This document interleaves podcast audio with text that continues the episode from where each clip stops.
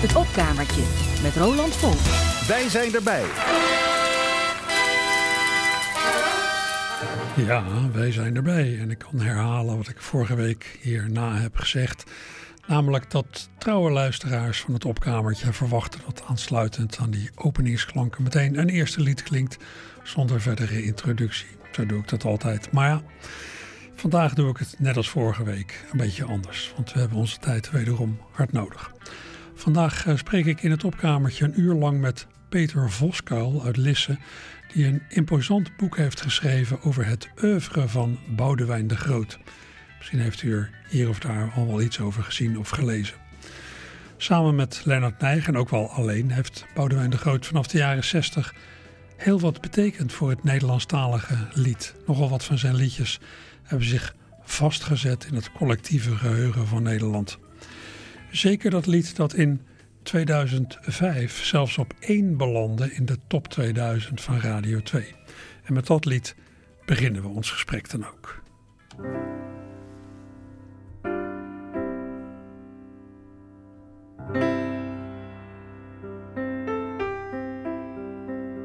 Nu hoef je nooit je jas meer aan te trekken en te hopen dat je lichten doet. Laat buiten de stormwind nu maar razen in het donker, want binnen is het warm en licht en goed. Hand in hand naar buiten kijken waar de regen valt. Ik zie het vuur van hoop en twijfel in je ogen en ik ken je diepste angst. Want je kunt niet zeker weten en alles gaat voorbij, maar ik geloof, ik geloof, ik geloof, ik geloof, ik geloof in jou en mij. En als je s'morgens opstaat, ben ik bij je en misschien heb ik al tegenzet En als de zon schijnt buiten, gaan we lopen door de duinen. En als het regent, gaan we terug in bed. Uren langzaam wakker worden, zweven door de tijd. Ik zie het licht door de gordijnen en ik weet, verleden geeft geen zekerheid.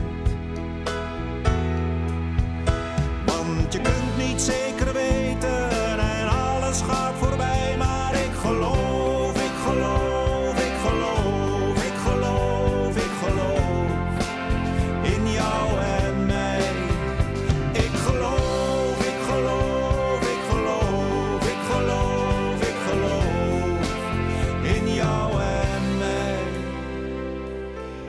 Peter Voskuil, je hebt weer een eh, belachelijk boek geschreven. Ja, belachelijk. Ja, want het is weer een halve stoeptegel. Het hele oeuvre van Boudewijn de Groot uitgelegd. Eh, nummer voor nummer, zijn hele carrière. Een stoeptegel, maar hij is toch al aardig verkocht, begreep ik. Ja, we zijn aan de derde druk toe. Kijk, Dus daar ben ik heel erg blij mee. voor zo'n toch wel duur boek. 70 euro. Dus Ja. dat is, eh, ik loop altijd drie rondjes om een boek van 70 euro heen Ja. voordat ik het koop. Ja, Dus dat is hartstikke leuk. Hij heeft een beetje te maken, denk ik, ook met eh Boudewijn. Die toch een soort stille populariteit eh, geniet. Zowel Ja. in Nederland eh, als in België. Vlaanderen verkoopt ook heel goed. Ja, fantastisch natuurlijk. Ik heb allerlei boeken geschreven over muziek, zoals je weet. En maar, maar dit is ook heel erg leuk. Ik heb nog nooit zoveel over een boek mogen praten. Dus tegenwoordig als auteur... Vroeger waren auteurs kwamen nog echt aan het woord, hè? Dus het is niet meer zo vanzelfsprekend. je hebt hiervoor je hebt een, een geweldig boek gemaakt over Jacques Brel in Nederland. Over Ramses Shaffi. Een nog grotere stoeptegel dan dit over de Nederlandse fonografische geschiedenis. Ja. de hele industrie. En je hebt ook een, een biografie gemaakt over Lennart Nijg, met wie Boudewijn de Groot veel heeft samengewerkt. Dus eh, ja, je bent, je bent inmiddels eh, verantwoordelijk voor het kappen van een heel bos.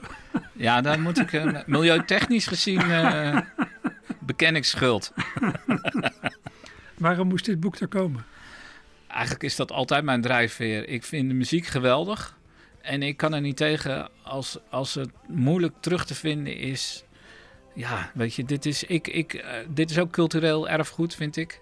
Net zo goed als eh, muziek eh, is, eh, vind ik net zo goed cultureel erfgoed. Populaire muziek als literatuur, toneel of nou, film, noem het allemaal maar op. En dit moest vastgelegd. Ik bedoel, Boudewijn die wordt 80 volgend jaar. En er komt natuurlijk een tijd, dan is hij er niet meer.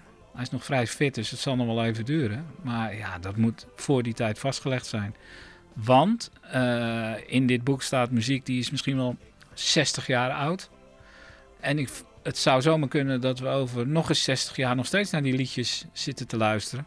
Want ik heb wel het gevoel dat een deel van het oeuvre wel tijdloos eh, is gebleken. En, en nu kun je nog optekenen waar het ook alweer over ging, onder wat voor omstandigheden het tot stand is gekomen. Ja, wie erop spelen, Ja. eh, achtergronden als eh, waar is het opgenomen, wat ik altijd heel interessant vind. Hoe is het opgenomen, vind ik ook altijd heel erg leuk. Maar ook, eh, ja, waar kwam de inspiratie vandaan voor een tekst of een liedje. eh, er is zoveel te vertellen over die muziek. Eh, ik had veel meer kunnen schrijven over elk nummer. Ja. Maar ik probeer ook een beetje... Ook een beetje compact houden met 530 pagina's. Ja, anders had ik wel tien boeken kunnen hebben. Ik doe de lichten uit en de kamer wordt nu donker. Een straatlantaarn buiten geeft wat licht. En de dingen in de kamer worden vrienden die gaan slapen. De stoelen staan te wachten op het ontbijt. En morgen word ik wakker met de geur van brood en honing. De glans van het gouden zonlicht in jouw haar. En de dingen in de kamer, ik zeg ze wel te rusten. Vanavond gaan we slapen en morgen zien we wel. Maar de dingen in de kamer zouden levenloze dingen zijn. Zonder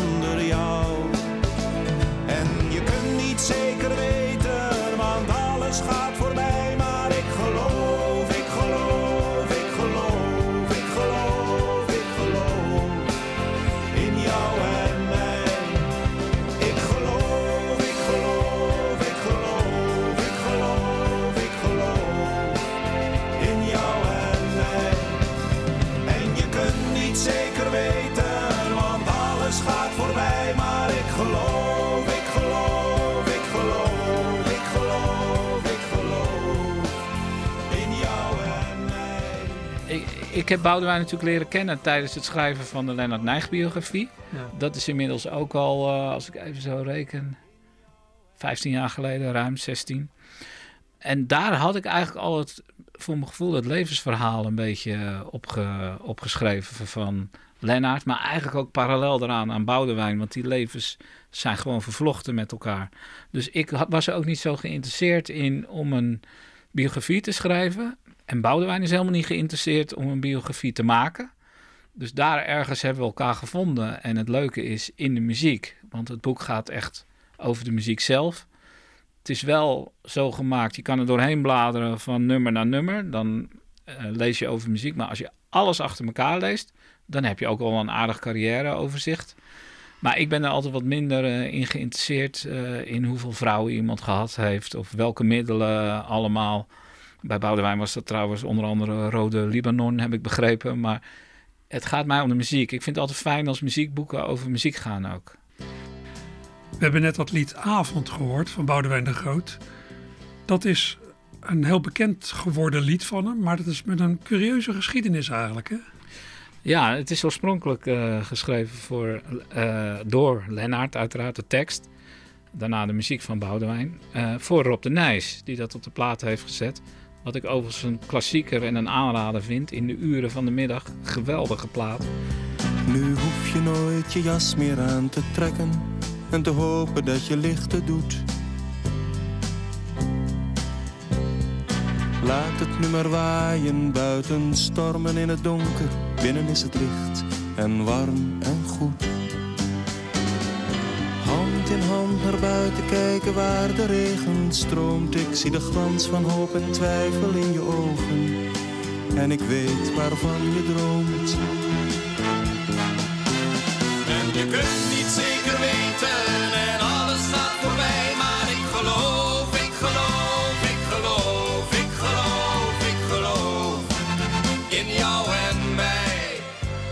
Pas veel later is Avond het bekende liedje geworden wat het nu is. Met name door de top 2000 natuurlijk. Maar ook Ja. Boudewijn die het heel veel is gaan zingen tijdens zijn ja, never ending tour in de jaren 90 en de jaren 0. En eh, tot nog vrij recent, tot een jaar of vijf. Ja, want die, die uitvoering van Rob de Nijs, die is op zich ook heel behoorlijk. Maar die heeft weinig gedaan. Hè? Die is een beetje weg, een beetje verscholen gebleven op een LP. Ja, die stond daar ingeklemd tussen Malle Babba, eh, zuster Ursula, Jan Klaassen de trompetter. en dan valt dat een beetje weg. Ja. Maar al die nummers die op die plaat staan zijn fantastisch. Het enige is, het, ja, in Nederland werkt de muziek zo dat Rob, die stond bekend als een singlesartiest. En daar werd eigenlijk helemaal, die LP, er werd helemaal niet zoveel aandacht aan besteed. Eh, terwijl die nummers toch best wel goed zijn. Eh, zelfs Boudewijn zelf vindt dat. hij toch behoorlijk kritisch is op wat hij allemaal heeft eh, Ja. gemaakt in zijn leven. Dus die is ze later opnieuw gaan opnemen. En terecht, want het zijn geweldige nummers. ja, wat ook wel wonderlijk is. Ja, je zei, ik, ik ben niet geïnteresseerd in hoeveel vrouwen iemand heeft gehad. Maar Lennart Nijg heeft het ooit geschreven voor zijn vriendin of vrouw Anja. Ja. En Boudewijn zingt het nu ook voor Anja, alleen is dat nu zijn vrouw. Ja, dat is natuurlijk ook heel curieus eigenlijk. Eh, maar ik ben wel geïnteresseerd in welke vrouwen iemand gehad heeft. Maar het moet dan wel met de muziek te maken Ja, ja, gehad hebben. maar ja, het, het, het verhaal is ook veel minder eh, curieus dan het lijkt. Want ja, eh, Anja is met Lennart getrouwd geweest. is in de jaren zeventig gescheiden. En ergens in de jaren negentig zijn Boudewijn en Anja elkaar weer tegengekomen toen ze allebei single waren. En toen is de vonk overgesprongen. Maar Lennart heeft dat liedje ooit voor Anja geschreven. Ja. En ja, Boudewijn heeft het daarna eigenlijk ook weer opnieuw opgenomen voor Anja. Dus zij is wel, als je nou een muze, Ja. is, is Anja een supermuze. Ja. Ja, dat is natuurlijk hartstikke leuk. En mensen vinden dat, merk ik ook altijd. Dat, dat zijn, eigenlijk zijn dat nou juist die leuke weetjes. Dat is gewoon leuk om te weten als je die muziek luistert. Het is niet noodzakelijk, maar wel leuk. Uren langzaam wakker worden, zweven door de tijd. Ik zie het licht door de gordijnen en ik weet, verleden geeft geen zekerheid. Want je kunt niet zeker weten en alles gaat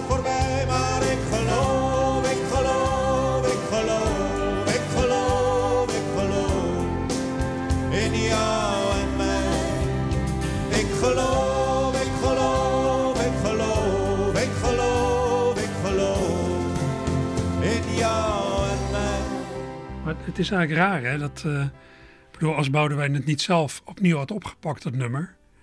Dan, ja, dan was dat gewoon ja, een nummertje gebleven op een LP van voor Rob de Nijs uit 76 of zo. Wat zeg ik? 73. 73, sorry. Ja. Raar hoe, hoe dat kan gaan met nummers. Hè? Of ze Ja. nou wel of niet worden opgenomen in het collectieve geheugen van Nederland. Want avond is dat inmiddels wel. Ja. ja, klassiekers. Er is een verschil tussen hits en klassiekers altijd. Ja. En zo'n liedje, ja, dat zweeft, leidt een eigen leven. En soms komt er eentje boven dwarrelen die we helemaal niet meer hadden verwacht. Dit is er wel eentje van, denk ik. Want Want het is nooit echt een hit geweest. nee, en Boudewijn noemt het ook niet eens zijn beste nummer. Het is niet zo dat hij zegt van nou, er staat nog een heel vergeten iets... wat ooit het beste was wat ik heb gemaakt, maar dat sloeg niet aan. Nee, het is gewoon gemaakt. Het was er.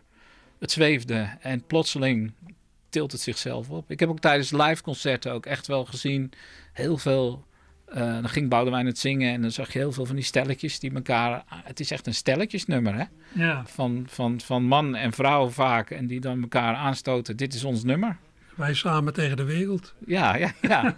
Ik geloof in jou. haven, ja. ja. Nou ja, het is... eh, ja, universeel. ja. Nou ja, dat is dus sowieso een kwaliteit wat heel veel van die muziek heeft, vind ik. Eh, het is universeel. En dat hebben ze wel knap gedaan. Want eh, ik zei net al, als je dus 50 jaar later bent, dan is heel veel teksten zijn verouderd of zo. Maar ja, die, die van Lennart's teksten, die, die gaan over universele zaken. Hè, we hebben allemaal wel eens een vriendinnetje wat het uitmaakt. Of ja, er zijn zoveel verhalen. Ja, Lennart had daar het patent op zo ongeveer, geloof ik. Hè? Ja, dat is echt eh, de maestro van de mislukte liefdes. maar dat blijft toch een fantastisch thema. ja, ja. En hij heeft dat ook zo onder woorden gebracht. Eigenlijk, ik noem dat een beetje heemsteeds voorbeeldig. In een prachtige taal. Eh, Dat Ja. klopt gewoon van hier tot Tokio. En eh, van hier tot Heemstede moet ik eigenlijk zeggen. Van Rotterdam tot Heemstede Ja. klopt het. Ehm, ik wilde toch even een soort chronologisch terug naar het begin van de carrière van Boudewijn. Kijk, wij gaan dat niet redden in een uurtje om dat helemaal door te nemen. Want Ik wou net zeggen, succes ermee. nee, kijk, ik heb de afgelopen dagen heb ik dat, dat verschrikkelijke boek voor jou zitten lezen. Nou, ik ben er geloof ik twee dagen aan bezig geweest. En eh, ik heb het zitten lezen ook dan met mijn telefoon erbij, dat ik steeds via Spotify al die nummers toch nog eens even heb teruggeluisterd. Ik denk, als ik nu mijn hoofd een beetje scheef hou, dan loopt er allemaal Boudewijn de Groot uit. Maar ja, bij jou geloof ik ook, hè? Bij mij zeker. Ja. Aan de ene kant Lennart, als ik mijn hoofd zo hou, dan komt Lennart eruit en, en zo Boudewijn. Het, het allereerste nummer dat Boudewijn heeft opgenomen is het, is het lied Strand. En d- dat is nou precies zo'n nummer ook waarvan ik zeg van eh, geweldig eigenlijk. Dat, en dat het eigenlijk nu nog, ik, ik heb dat eh, denk ik een jaar of zeven geleden nog meegemaakt. Boudewijn speelde het tijdens zijn optredens. En dan hoorde je nog precies waar de lach moet zitten, zat het publiek te lachen. Ja. En dat 50, inmiddels is het al bijna 60 jaar geleden. Nou, het is uit 64. Ja, Waar kan je liggen in het zand totdat je hele lijf verbrandt? Waar kan je zuipen als een beest? Waar vind je vrienden voor elk feest? Waar kan je zwemmen als een rat? Waar word je zelfs van binnen nat? Dat is aan de rand van Nederland, dat is aan ons onvolprezen strand. Daar kan je vrijen met je vrouw, wat nergens anders mogen zou. Terwijl je kalm je krantje leest, je handen strelend om haar leest. Daar speel je poker met een vriend totdat die van ellende grient. Daar springt de randstad uit de band, dat is aan ons onvolprezen strand. Je gaat er op de brommer heen en ligt een plat tot kwart voor één. Dan ga je kijken naar een vrouw die je wel graag versieren zou. Dan krijg je ruzie met haar man die heel toevallig boksen kan. En met je tanden in je hand jok je weer verder over het strand. Dan ga je even naar een tent en als je aangeschoten bent, dan loop je met de vrienden schaar een eentje langs de boulevard. Dan komt er iemand op het idee om te gaan zwemmen in de zee. En gans door kwallen overmand ren je weer terug over het strand. dus het is, eh, dat, dat is natuurlijk een tijdloosheid. Terwijl eigenlijk het strand, ja, ik bedoel, er is zoveel veranderd aan het strand alleen al. Maar er is toch iets, ja, wat dat nog steeds universeel maakt. Ja, en ook nu nog leuk om te Er zijn luisteren. nog steeds jongere vriendengroepen die naar het strand gaan en dan van alles meemaken en zo. Dus wat dat betreft is er niet echt veel veranderd. Nou ja, als ze niet achter de Nintendo eh, Nee, zitten. ja. Of, eh, De hele tijd zitten te scrollen op nog- telefoon. het hoeft niet eens, eh, je kunt het je nog inbeelden. Ja, het klopt, is. Dat is het eigenlijk. Ja. Ik hou ook van liedjes waar je, die hoeven niet helemaal af te zijn. Dat je precies weet van, hier gaat het over. Ik hou ook van liedjes dat je er nog zelf iets bij kan fantaseren. Ja. Nou, ik heb met al die nummers over Boudewijn gesproken. En heel vaak is het ook zo, wat jij in je hoofd hebt, daar zijn zich niet, zij zich niet eens bewust van. Of zij hebben een hele andere associatie.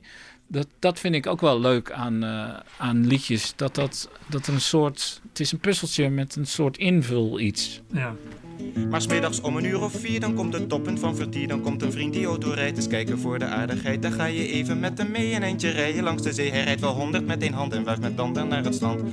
Dan scheur je zingend langs de straat en vindt dat alles prachtig gaat. En trekt je hals eenvoudig krom, je kijkt naar alle meisjes om. En vaders auto wordt vermoord, vakkundig in een boom geboord. Dan sta je morgen in de krant en wordt beroemd op het hele strand.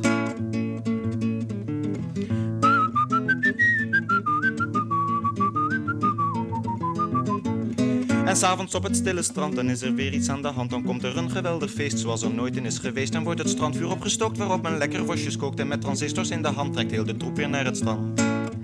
Dus er zijn een paar opmerkelijke dingen aan dat lied Strand. Later in die samenwerking van Lennart Nijg en Boudewijn de Groot was het zo dat Lennart een tekst schreef en Boudewijn maakte daar muziek op. Maar hierbij is het andersom gegaan. Boudewijn had een melodietje en daar moest Lennart maar iets op schrijven dat metrisch klopte. Ja, dat is best wel knap, zoals Ja. hij dat gedaan heeft. Ja, Want ik dacht dus eigenlijk een enorme lap tekst. En ik zat Boudewijn te bewonderen dat hij daar muziek op gemaakt heeft. ja, Maar het is dus andersom gegaan. ja. En dat is eigenlijk... eh, er zijn niet veel nummers in hun oeuvre die, dat het op die manier gegaan is. Er zijn maar een paar uitzonderingen op. Het is ook eigenlijk bij toeval dat ze bij een platenmaatschappij terecht zijn gekomen en dat iemand hen tipte van "Ah, je moet hier eigenlijk wat van opnemen. Ja, maar ja, daar zit, eh, ik, misschien waren ze op een andere manier ook wel ontdekt. Dat Ja. weten we niet. Eh, zij waren eigenlijk met film, meer met film dan met muziek bezig in die Ja. beginjaren. Allebei eh, met de filmacademie zaten ze op. En, en ze vertoonden een filmpje ergens. En daar zat iemand die zei, oh, ik ken al wel iemand. Hè, de bekende, nou ja, inmiddels al niet meer, maar Ed Louterslager, de nieuwslezer Ja. van toen. Zeg maar de Fred Emmer van eh, de jaren 60. en die had een connectie en die heeft Tony Vos getipt. En uh, um, hebben ze natuurlijk een demobandje gemaakt, zoals dat gaat. En toen zijn ze, nou ja, ontdekt. Toen mochten ze een keertje... Boudewijn had eigenlijk ook die eerste sessie de indruk dat hij met een proefopname bezig was. Dus dat is ook wel grappig uh, nog achteraf. Ja, dan gaan we het nu voor het echi doen. Nee, dit gaan we uitbrengen. ja, dus uh, zo, zo snel kan het gaan eigenlijk. Waar kenden zij elkaar van, Lennart en Boudewijn? Uh, ze, ze woonden bij elkaar in de straat, daar begon het al mee. Maar ze waren Heemstede. niet bevriend. Heemstede, ja. de Cesar Franklaan. Hele Heemsteedse uh, laan met uh, mooie grote ruime herenhuizen. Geschakeld, twee onder één kap. En daar hebben ze elkaar leren kennen. in eerste instantie was Lennart bevriend met een broer van Boudewijn. Uh, maar ja, ze zijn altijd in elkaars periferie rond blijven lopen. En ergens in de middelba op de middelbare school ontdekten ze eigenlijk gemeenschappelijke interesses. Als film en muziek. En vanaf daar uh, zijn ze eigenlijk uh, een duo geworden. Dan zijn ze eigenlijk toch een beetje de Lennon en McCartney van de lage landen geworden. Ja, zo, denk dat je het zo wel mag zeggen. Ja, een beetje andere taakverdeling, maar toch wel ongeveer die betekenis, denk ik. Ja, eerlijk gezegd, er was ook niet zoveel. Hè? Hoeveel andere duo's heb je die zo lang meegaan? Ja. En, en 60 jaar lang uh, muziek blijven opnemen, dat is ook heel uniek. Dat is ook een van de redenen waarom ik dit boek ben gaan maken natuurlijk. Er zijn niet zo snel twee Boudewijns. En er is ook maar, eigenlijk maar één Lennon en McCartney in Nederland. De ene komt met flessen wijn, die smaakt verdacht veel naar azijn. De tweede komt met zijn vriendin, die pikt de derde dan weer in. De vierde brengt een zak patat met onderin. Een daverend gat, de inhoud licht verspreid in zand van drie kwart kilometer stand. Je danst en vrij de hele tijd, terwijl je in een broodje bijt. En giet je never in je kop, want anders dronk je pa het op. Maar van die lading alcohol geraakt je spoedig overvol. Dan loopt de toestand uit de hand en blijf je liggen op het strand. Maar de politie arriveert voor je weer lopen hebt geleerd Zodat je kruipende ontvlucht achter een zuilje neverlucht Dat wordt dan een immense rel, die eindigt meestal in de cel En is men daar eenmaal beland, dan is weer rustig op het strand maar s'morgens lig je weer in zand doordat je hele lijf verbrandt. Dan ga je zuipen als een beest, dan zoek je vrienden voor een feest. Dan ga je zwemmen als een rat, dan word je zelfs van binnen nat. Aan de rand van Nederland, aan ons onvolprezen strand. Aan de rand van Nederland, aan ons onvolprezen strand. De rand van Nederland. Ja, als je die, die oude opnames van, van Boudewijn hoort, van dat allereerste singeltje en van die eerste singeltjes daarna ook, dan klinkt hij, hij vindt het zelf ook heel erg bekakt en deftig. Ja, ja ik, uh, ik herken dat onmiddellijk, want ik heb in Heemstede op school gezeten. Okay. Tussen, tussen mensen die ook zo praten. Ja. En uh, ik, ik versta dus ook heel goed Heemsteeds. Praat het wat minder, maar ik versta het wel. Maar er wordt toch altijd gezegd dat in die contraien, zo Haarlem en omgeving, daar wordt het mooiste Nederlands gesproken. ABN, hè? Ja. Ja. Nou, ik geloof dat wel. Alhoewel, als je dus echt richting Aardehout Heemstede gaat, dan is het geen ABN meer. Dan is het echt gewoon bekakt aan het ja, worden. Ja. Maar mijn stelling is wel dat Lennart en Boudewijn ook wel een beetje het liedjes ABN van Nederland spraken. Als je kijkt bepaalde nummers, uh, bijvoorbeeld Beneden alle pijl, als mensen dat toevallig kennen, daar, dat is zo voorbeeldig aan elkaar geschreven. Dat is ook een vorm van ABN. Ja. Uh, dat het precies het rijmwoord eruit komt en dat dat naadloos op dat metrum past. Uh, ja, dat bewonder ik enorm in die muziek. Dat dat ja, dat vind ik ook een vorm van ABN. Ja. Buiten de uitspraak. Jouw armen liefste zijn niet om te slaan. Je moet je handen niet tot vuisten maken. Je ogen hoeven niet zo hard te staan. Ontspan die harde lijnen om je kaken. Je lichaam lief is zacht om aan te raken. Maar jij denkt enkel aan je eigen heil. Jij denkt alleen maar aan je eigen zaken. En dat is toch beneden alle pijl. Bekijk jezelf en lach, je zachte arm is voor mijn hoofd gemaakt om op te rusten.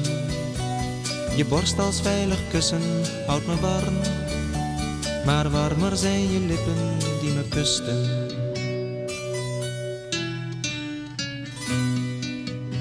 Zo wekt die een voor een mijn andere lusten. Maar jij dacht aan een ander onderwijl, waarmee je zonder moeite je geweten suste. En dat is toch beneden alle pijl. Ja, die Lennart Nijg die schreef enorm vormvast. Ja. En eh, zo af en toe ook wel met een beetje archaïsche woorden. Een beetje verheven. Maar ja, die teksten zijn van een grote poëtische kracht. Ja, ik denk ook omdat hij dat archaïsche had, dat het ook zo tijdloos is. Als hij wat modernere woorden Ja, had gebruikt, dan hadden we waarschijnlijk gedacht, eh, ja, verouderd of zo. Maar het klopt, het is voorbeeldig Nederlands. Het is bijna waar de taal voor bedoeld was. Ja. Op het tweede singeltje van Boudewijn staat het nummer Elegie Prenataal. Dat heeft al enige ophef veroorzaakt. Ja, dat zou je niet meer zeggen nu. Maar eigenlijk werd dat singeltje werd alleen nog maar door de VPRO ge- gedraaid in die tijd. Dus Leg even uit waar de controverse over ging.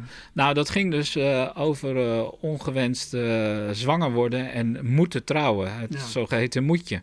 Ja. Vanuit het perspectief van de jongen. Hè? Van, ja, Hij heeft dat veroorzaakt. ja, en hoe, hoe je dan eigenlijk behandeld wordt door je omgeving. Wat natuurlijk ook in die tijd ridicuul was. Ja. Ik ben ook blij wat dat betreft dat de tijden veranderd zijn. En ehm, het grappige van dat nummer is dat Lennart dat schreef. eh, en en eh, Boudewijn eigenlijk in precies dezelfde situatie zat op dat moment. Terwijl Lennart dat niet wist. Zonder dat Lennart dat wist. dus dat is eigenlijk ook wel heel grappig. Ja. En eh, ja, En dat werd zijn zoon Marcel, toch? ja, dat is Marcel geworden. Ja. Ik sta te dromen op de brug, ik zie de bomen in het water. Ik zie de lucht en even later voel ik de blikken in mijn rug. Van alle mensen die daar staan en die mij streng vertorend vragen. Moest jij dat echt zo nodig wagen? Waarom deed jij haar zoiets aan? Ik weet het best, het is mijn schuld dat ik te vroeg met je moet trouwen. Maar voor het genoeglijk nestje bouwen had de natuur toch geen geduld. Het was zo'n zachte nacht in mei, maar ga dat maar eens expliceren aan al die dames en meneren die meer geluk hadden dan wij. Men zegt tot mij: Je bent een vod, je bent de schand van de familie, van onze propere domicilie. Denk eens aan ons en ook aan God. En daarbij trekt men dan een smoel, alsof ik knoflook heb gegeten. Van zo'n vent wil geen christen weten, die kwetst het eerbaarheidsgevoel. Desondanks luistert men naar het woord en psalm zingt luide al te gader. Maar ik sta buiten als de dader van een negatieve moord. Vergeving en verdraagzaamheid, ja die zijn goed voor liberalen. Van die onchristelijke kwalen is mijn familie gans bevrijd. Een wijze oom is advocaat en regelt onze huwelijkszaken. Een hok met uitzicht op de daken, want anders stonden we op straat. Mevrouw hiernaast, die alles ziet, zit achter het raam en wringt haar handen. Ze roept gekwetst, het is een schande. Omdat jij moeder wordt, zij niet. Als ik jouw kind was, lieve schat, dan werd ik liever niet geboren. Dan liet ik niets meer van me horen, dan bleef ik zitten waar ik zat. Want de familie, lieve meid, is met de toestand zo verlegen. We hebben de kliek nu eenmaal tegen, want zij trouwden wel op tijd. Maar het is dan raar dat eh, je maakt dan een lied over hoe onheus je dan bejegend wordt. En vervolgens willen mensen dat lied niet draaien.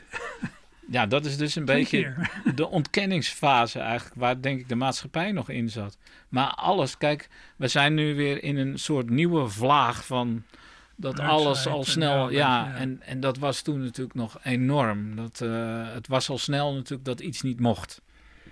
En waar ik me ook over verbaasd heb, dat, daar kwam ik achter in je boek, was dat eh Boudewijn met dit lied heeft meegedaan aan Nieuwe Oogst. En dat hij met dit gevoelige lied moest concurreren met André van Duin. Ja, dat waren nog eens tijden. Dat komt omdat je toen had, had je Over natuurlijk- appels en peren vergelijken gesproken.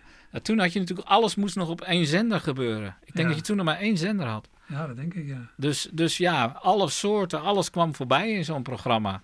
En ja, dan krijg je dus dat je eigenlijk twee uitersten in het, in het grammofonische spectrum, zult het maar even noemen, langskomen en dat je moet kiezen. Uiteindelijk is die keuze, want ik geloof dat de publieksjury heeft André van Duin gekozen. Eh, maar de jury met professionals, eh, die had nog wel hele goede woorden voor Boudewijn eh, ja, ja. over. Dus achteraf klopt dat ook wel eigenlijk, denk ik. ja. Blijft wonderlijk natuurlijk. Ja. Op de andere kant van dat elegie prenataal. Elegie is een soort klacht, Ja. toch? En prenataal is ja, voor de geboorte. Dus, uh, ja. Uh, op de andere kant daarvan staat het lied Seksuele Voorlichting. Dat is ook weer een tijdsbeeld over hoe er met seksualiteit wordt omgegaan en het geloof. Ja, ja, ik vind dat zelf. Uh, Boudewijn zelf is er niet zo tevreden over. Want dat was het leuke. Wij zaten eigenlijk tijdens dit boek samen ook de platen vaak terug te luisteren. En uh, sommige opnames, daar kon hij echt lichtelijk. Uh... Over zijn nek gaan. en dan ging de naald weer omhoog. Ah, Oké, we luisteren toch maar even af.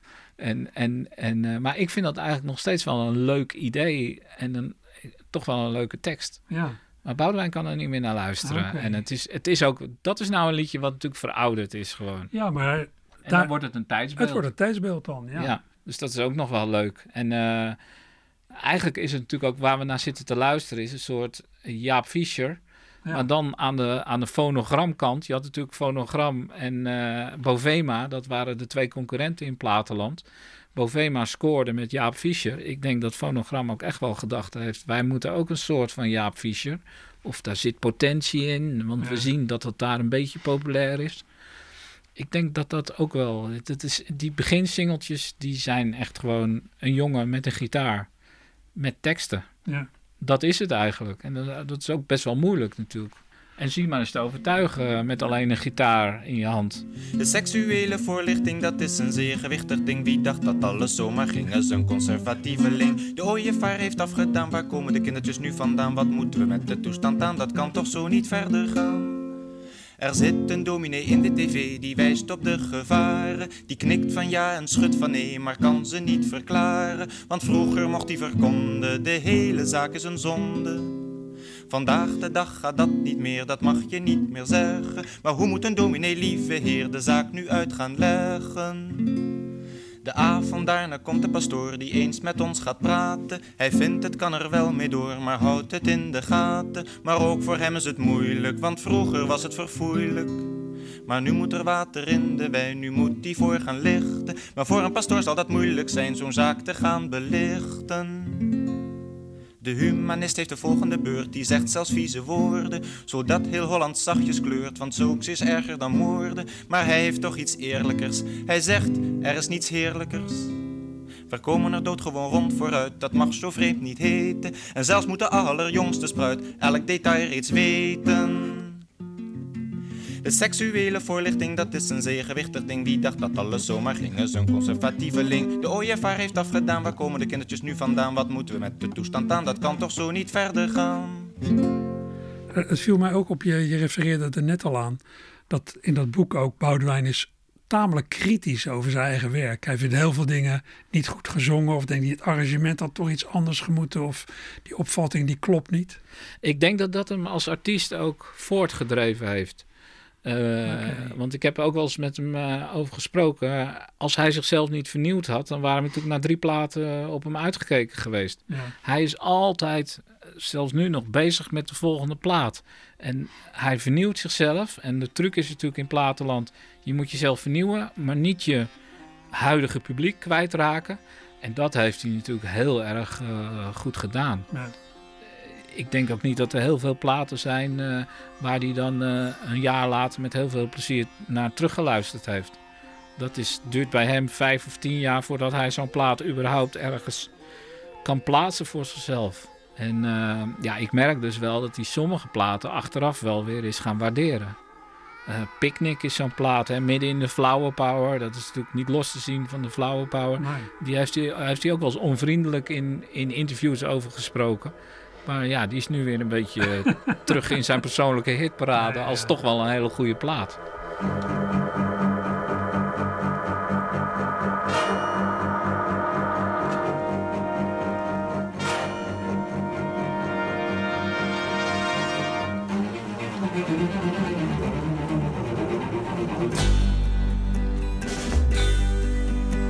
De bloemenwei is groen getooid, we hebben bloemen rondgestrooid. Het goudgelokte lentekind en wij.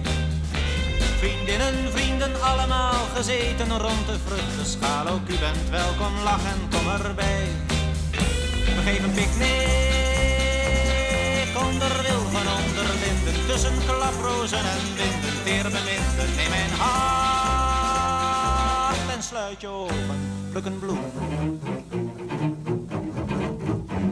Daar zijn Tony Vos en Lennart Neig, van wie ik nog een tientje krijg. Het goudgelokte lentekind slaapt zacht. En zoete rook van blauwe kant omgeeft mijn hoofd als haardooiband en druppels honing geuren op mijn vacht. We geven picknick met tante Beb en pater Jansen, die als elfen samen dansen, leliekransen in hun haar. Kom, maak muziek, pluk een bloem. Ja, kijk, tussen de regels door is jouw boek natuurlijk toch ook een beetje een soort biografie van Boudewijn. En hij komt daar uit naar voren als een heel zoekende ziel. Ja, dat zou Hij is misschien best... voortdurend op, op zoek naar weer nieuwe wegen en dan heeft dit weer niet naar zijn zin. Het moet helemaal anders. En, Ja, muzikaal, maar ook wel bepaalde periodes in zijn leven dat het roer omging. ja. Dat maakt hem ook wel interessant, vind ik. En het, eh, dat getuigt ook wel van lef. Hè, hoeveel mensen blijven niet altijd hetzelfde doen in hun leven. En, en ja, eh, eh, dat is denk ik ook de kracht van dat hele repertoire. Dat hij altijd zijn eigen gang, zijn, zijn eigen visie heeft gevolgd. En als dat soms betekende, zoals in de jaren tachtig, dat hij gewoon eh, ook dan maar geen platen kon maken, dan niet. Hij, Ja. hij maakte een plaat zoals hij vond dat hij moest zijn.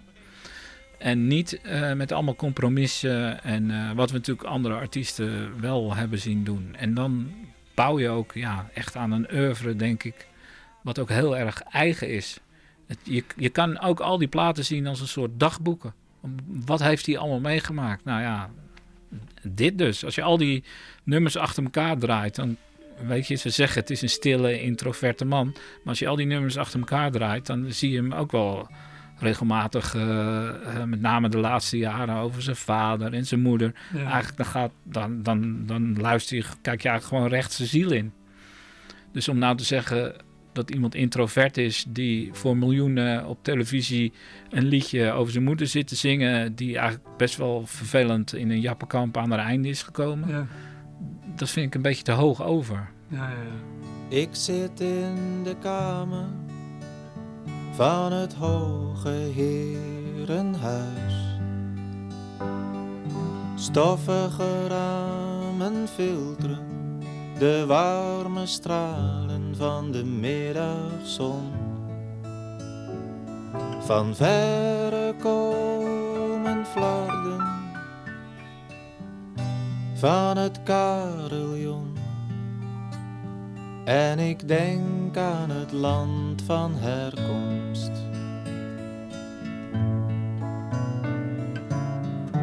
Ik verlaat mijn vaderland even, ben in het verre land. Waar ik mijn moeder achterliet. Ze had geen tijd om mij te leren kennen. En ook ik, ik ken haar niet.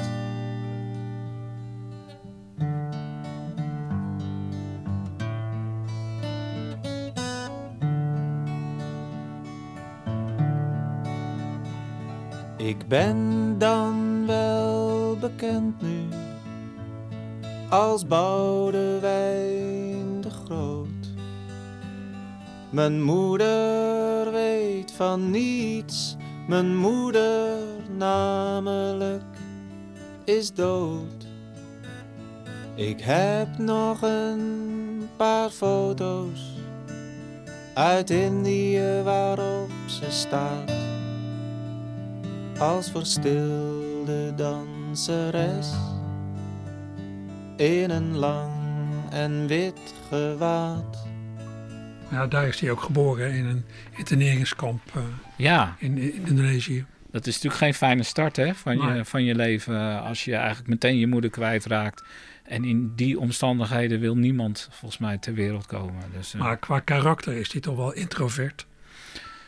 Ja, dat denk ik wel. Erg op zichzelf. En eh, misschien moet je dat ook wel zijn. Ik, weet- ik weet niet precies. eh, Op de schoorsteenmantel haar portret. We kijken naar elkaar. Haar ogen zijn mijn ogen, maar lijk ik ook op haar. Soms doet het verre carillon me denken aan de gamelan,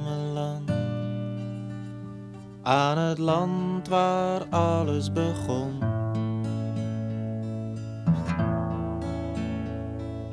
Nederlands-Indië, mijn moeder, ik mis ze soms, maar ik weet er weinig van.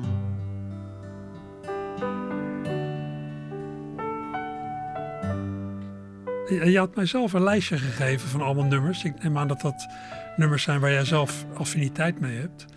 Je had er ook nog De Morgen bij gezet van zijn eerste EP uit 1964. Ja, vind ik eh, ook zoiets verstilds is dat. En ook dat fantastische Heemsteeds, dat vind ik prachtig om te horen.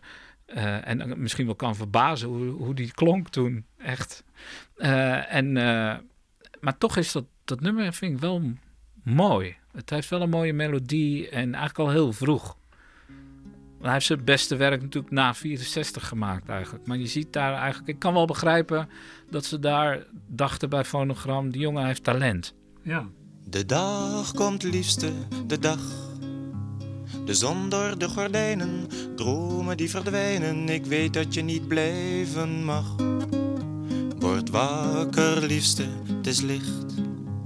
Je haren op het kussen, je mond en daartussen de schaduwen op je gezicht. Tot morgen, liefste, misschien. Nu zachtjes naar beneden, niet kraken met de treden. Mijn hospice mag jou niet zien.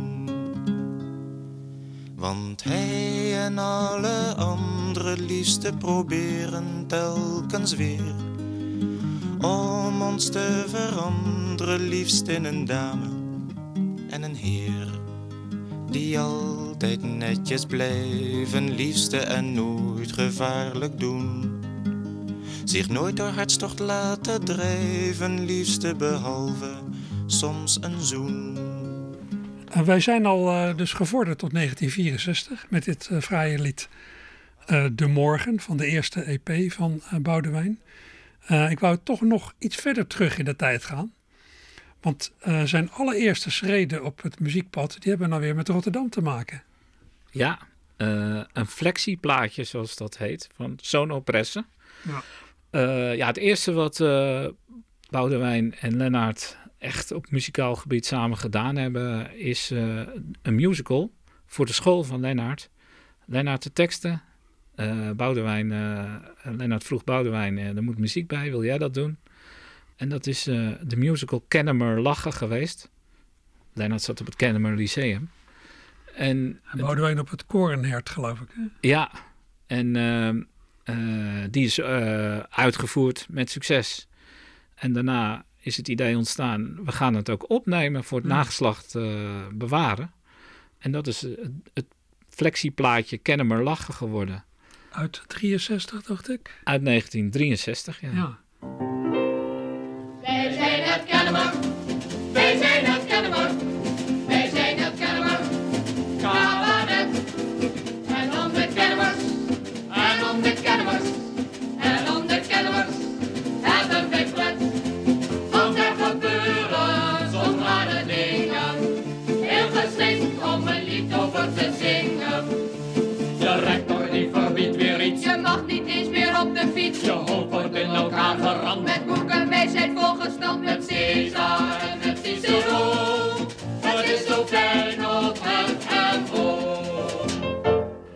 Vermoed dat het is opgenomen in de Sigro-studio aan het Ungerplein in Rotterdam.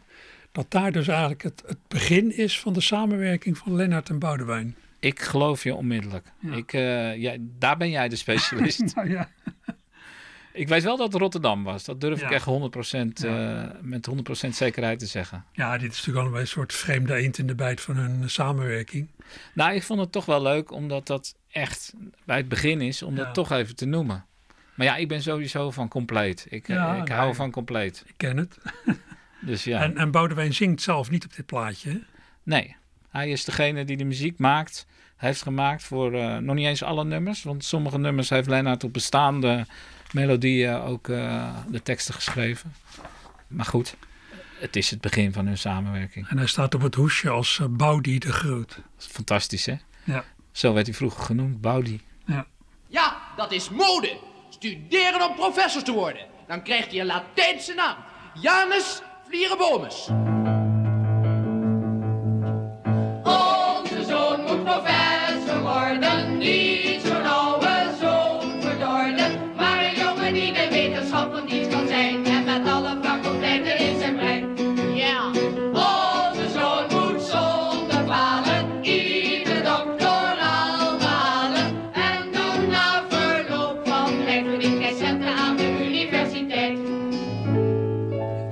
Meer de doorbraak die kwam in eh, 1965 met Meisje van 16.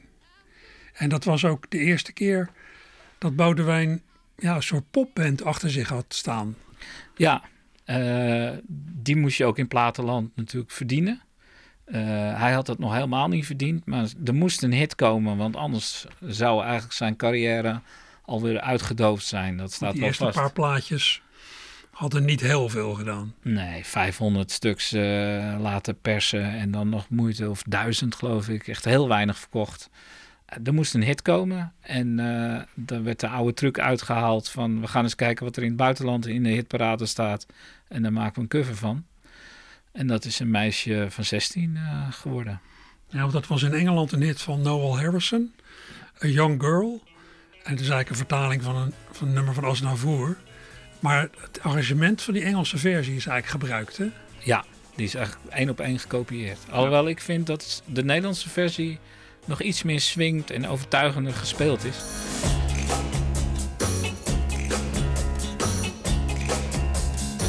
She left her neighborhood in which everyone was filthy rich.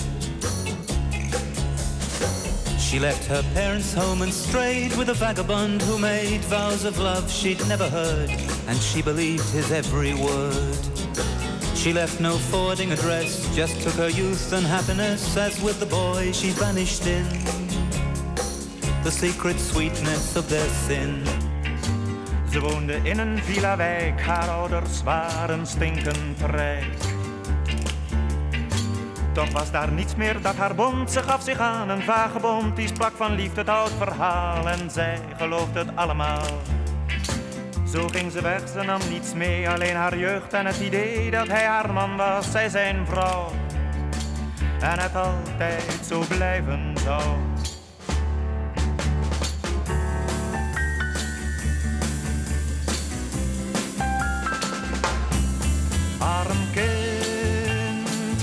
Zestien lente zo pril. Ach, wat lig je hier stil, langs de kant van de weg. Ja, een schot in de roos eh, was dat. Want, eh, nou ja, 12. Ik geloof 12. Nog niet eens in de top 10, maar dat was wel heel wat natuurlijk. Ja. Dat gaf me natuurlijk een beetje ademruimte van oké, eh, we kunnen het volgende gaan bedenken. en na die eerste hit ging al heel snel eh, het licht op groen voor een LP. Ja. En, eh, Maar wat, wat ik wel heb begrepen is dat hij zelf eigenlijk heel huiverig was om met elektrische gitaren en versterkingen zo te gaan spelen. ja, dat is. eh, terwijl toen hij het eenmaal deed, dacht hij, nou, dit klinkt toch wel lekker. Ja. Maar hij heeft daar echt serieus over getwijfeld. Hij had En- een soort puristisch idee van hoe je muziek moet maken. Ja, ik, ik, ik weet niet precies waar dat vandaan kwam, maar dat was wel een overweging. En ik weet ook zeker dat hij daar met Lennart ook echt wel over gepraat heeft. En dat ze ook getwijfeld hebben om gewoon te weigeren. Maar gelukkig heeft hij dat niet gedaan. Want het werd min of meer gezegd van nou ja, je moet dit gaan doen om enig commercieel succes te hebben, anders dan is het afgelopen. Ja, en, en ik denk dat Tony Vos dat wel op een slimme manier gebracht heeft. Dat was de producer. hè? De producer die, die zei van nou, doe nou eerst dit.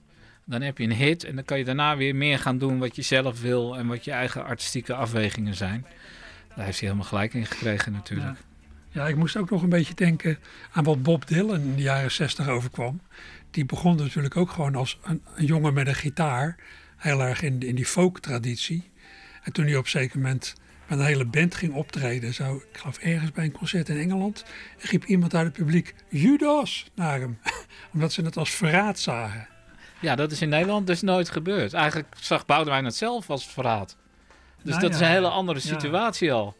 Ja, het hele probleem wat Boudewijn had, is dat hij überhaupt geen band had. In de studio dan heel eventjes om het nummer op te nemen. Ja. Maar toen had hij een hit. En toen werd er gezegd, nou, eh, kom je het eh, liedje spelen bij ons en, eh, en eh, kom je optreden. En dan kon hij dat liedje niet spelen zoals het op de plaat Speelde kwam. hij alles behalve zijn ene hit. Ja, Ze trokken voort van stad tot stad omdat hij ruimte nodig had. Het zwerversleven was te zwaar, niet voor een kind van 16 jaar. Haar liefde was haar levenslot, ze ging haar langzaam aan kapot. Ze kon de hartstocht niet weerstaan, moest tot het einde verder gaan. Ze was geen kind, maar ook geen vrouw. En wist niet wat er komen zou.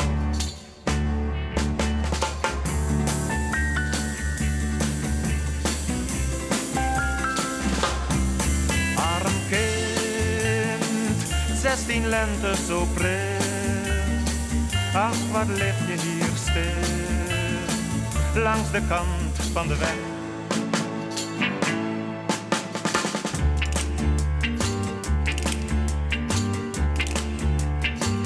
Werd vermoeid, zag bleek en vaal, verloor haar jeugd, haar ideaal. Alleen haar liefde bleef bestaan, toen ging hij weg bij haar vandaan. Toch had ze kunnen weten dat hij niet genoeg aan liefde had. Dat op een dag hij weg zou zijn en zij alleen met spijt en pijn dat hij zo lang een meisje had. Als stormwind speelt met een enkel blad.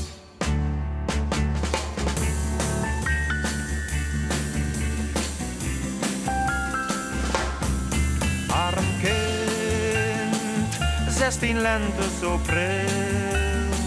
Ach, wat lig je hier stil, langs de kant van de weg.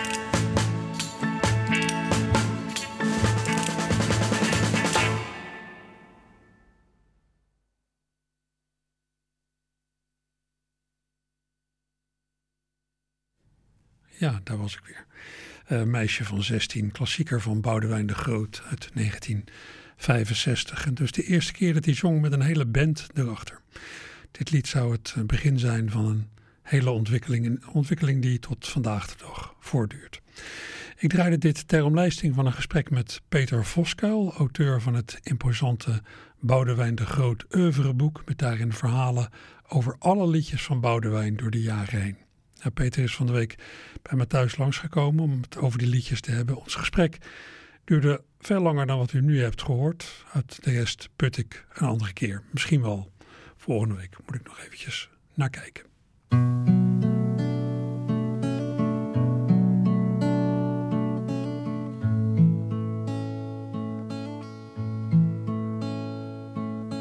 Iedere nieuwe lente is alles nieuw voor mij, want de winter is dood, het oudjaar is voorbij. Ik voel het nieuwe licht, ik verander van gedachten, ik volg een nieuwe liefde, ik verander van gezicht en ik vergeet, ik vergeet wat is geweest. Ik vergeet, ik vergeet wat is geweest. Wat geweest is, is geweest. Maar in de nacht van het oudjaar wacht de zeis van de kritiek.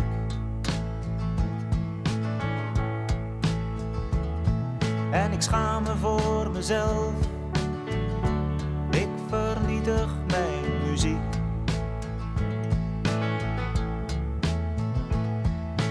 volgde weer het verkeerde spoor.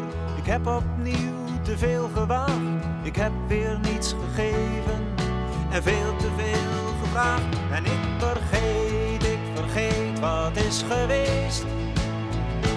Ik vergeet, ik vergeet wat is geweest. Want wat geweest is, is geweest.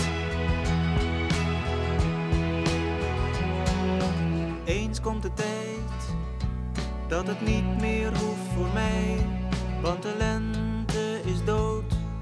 Het nieuwjaar is voorbij.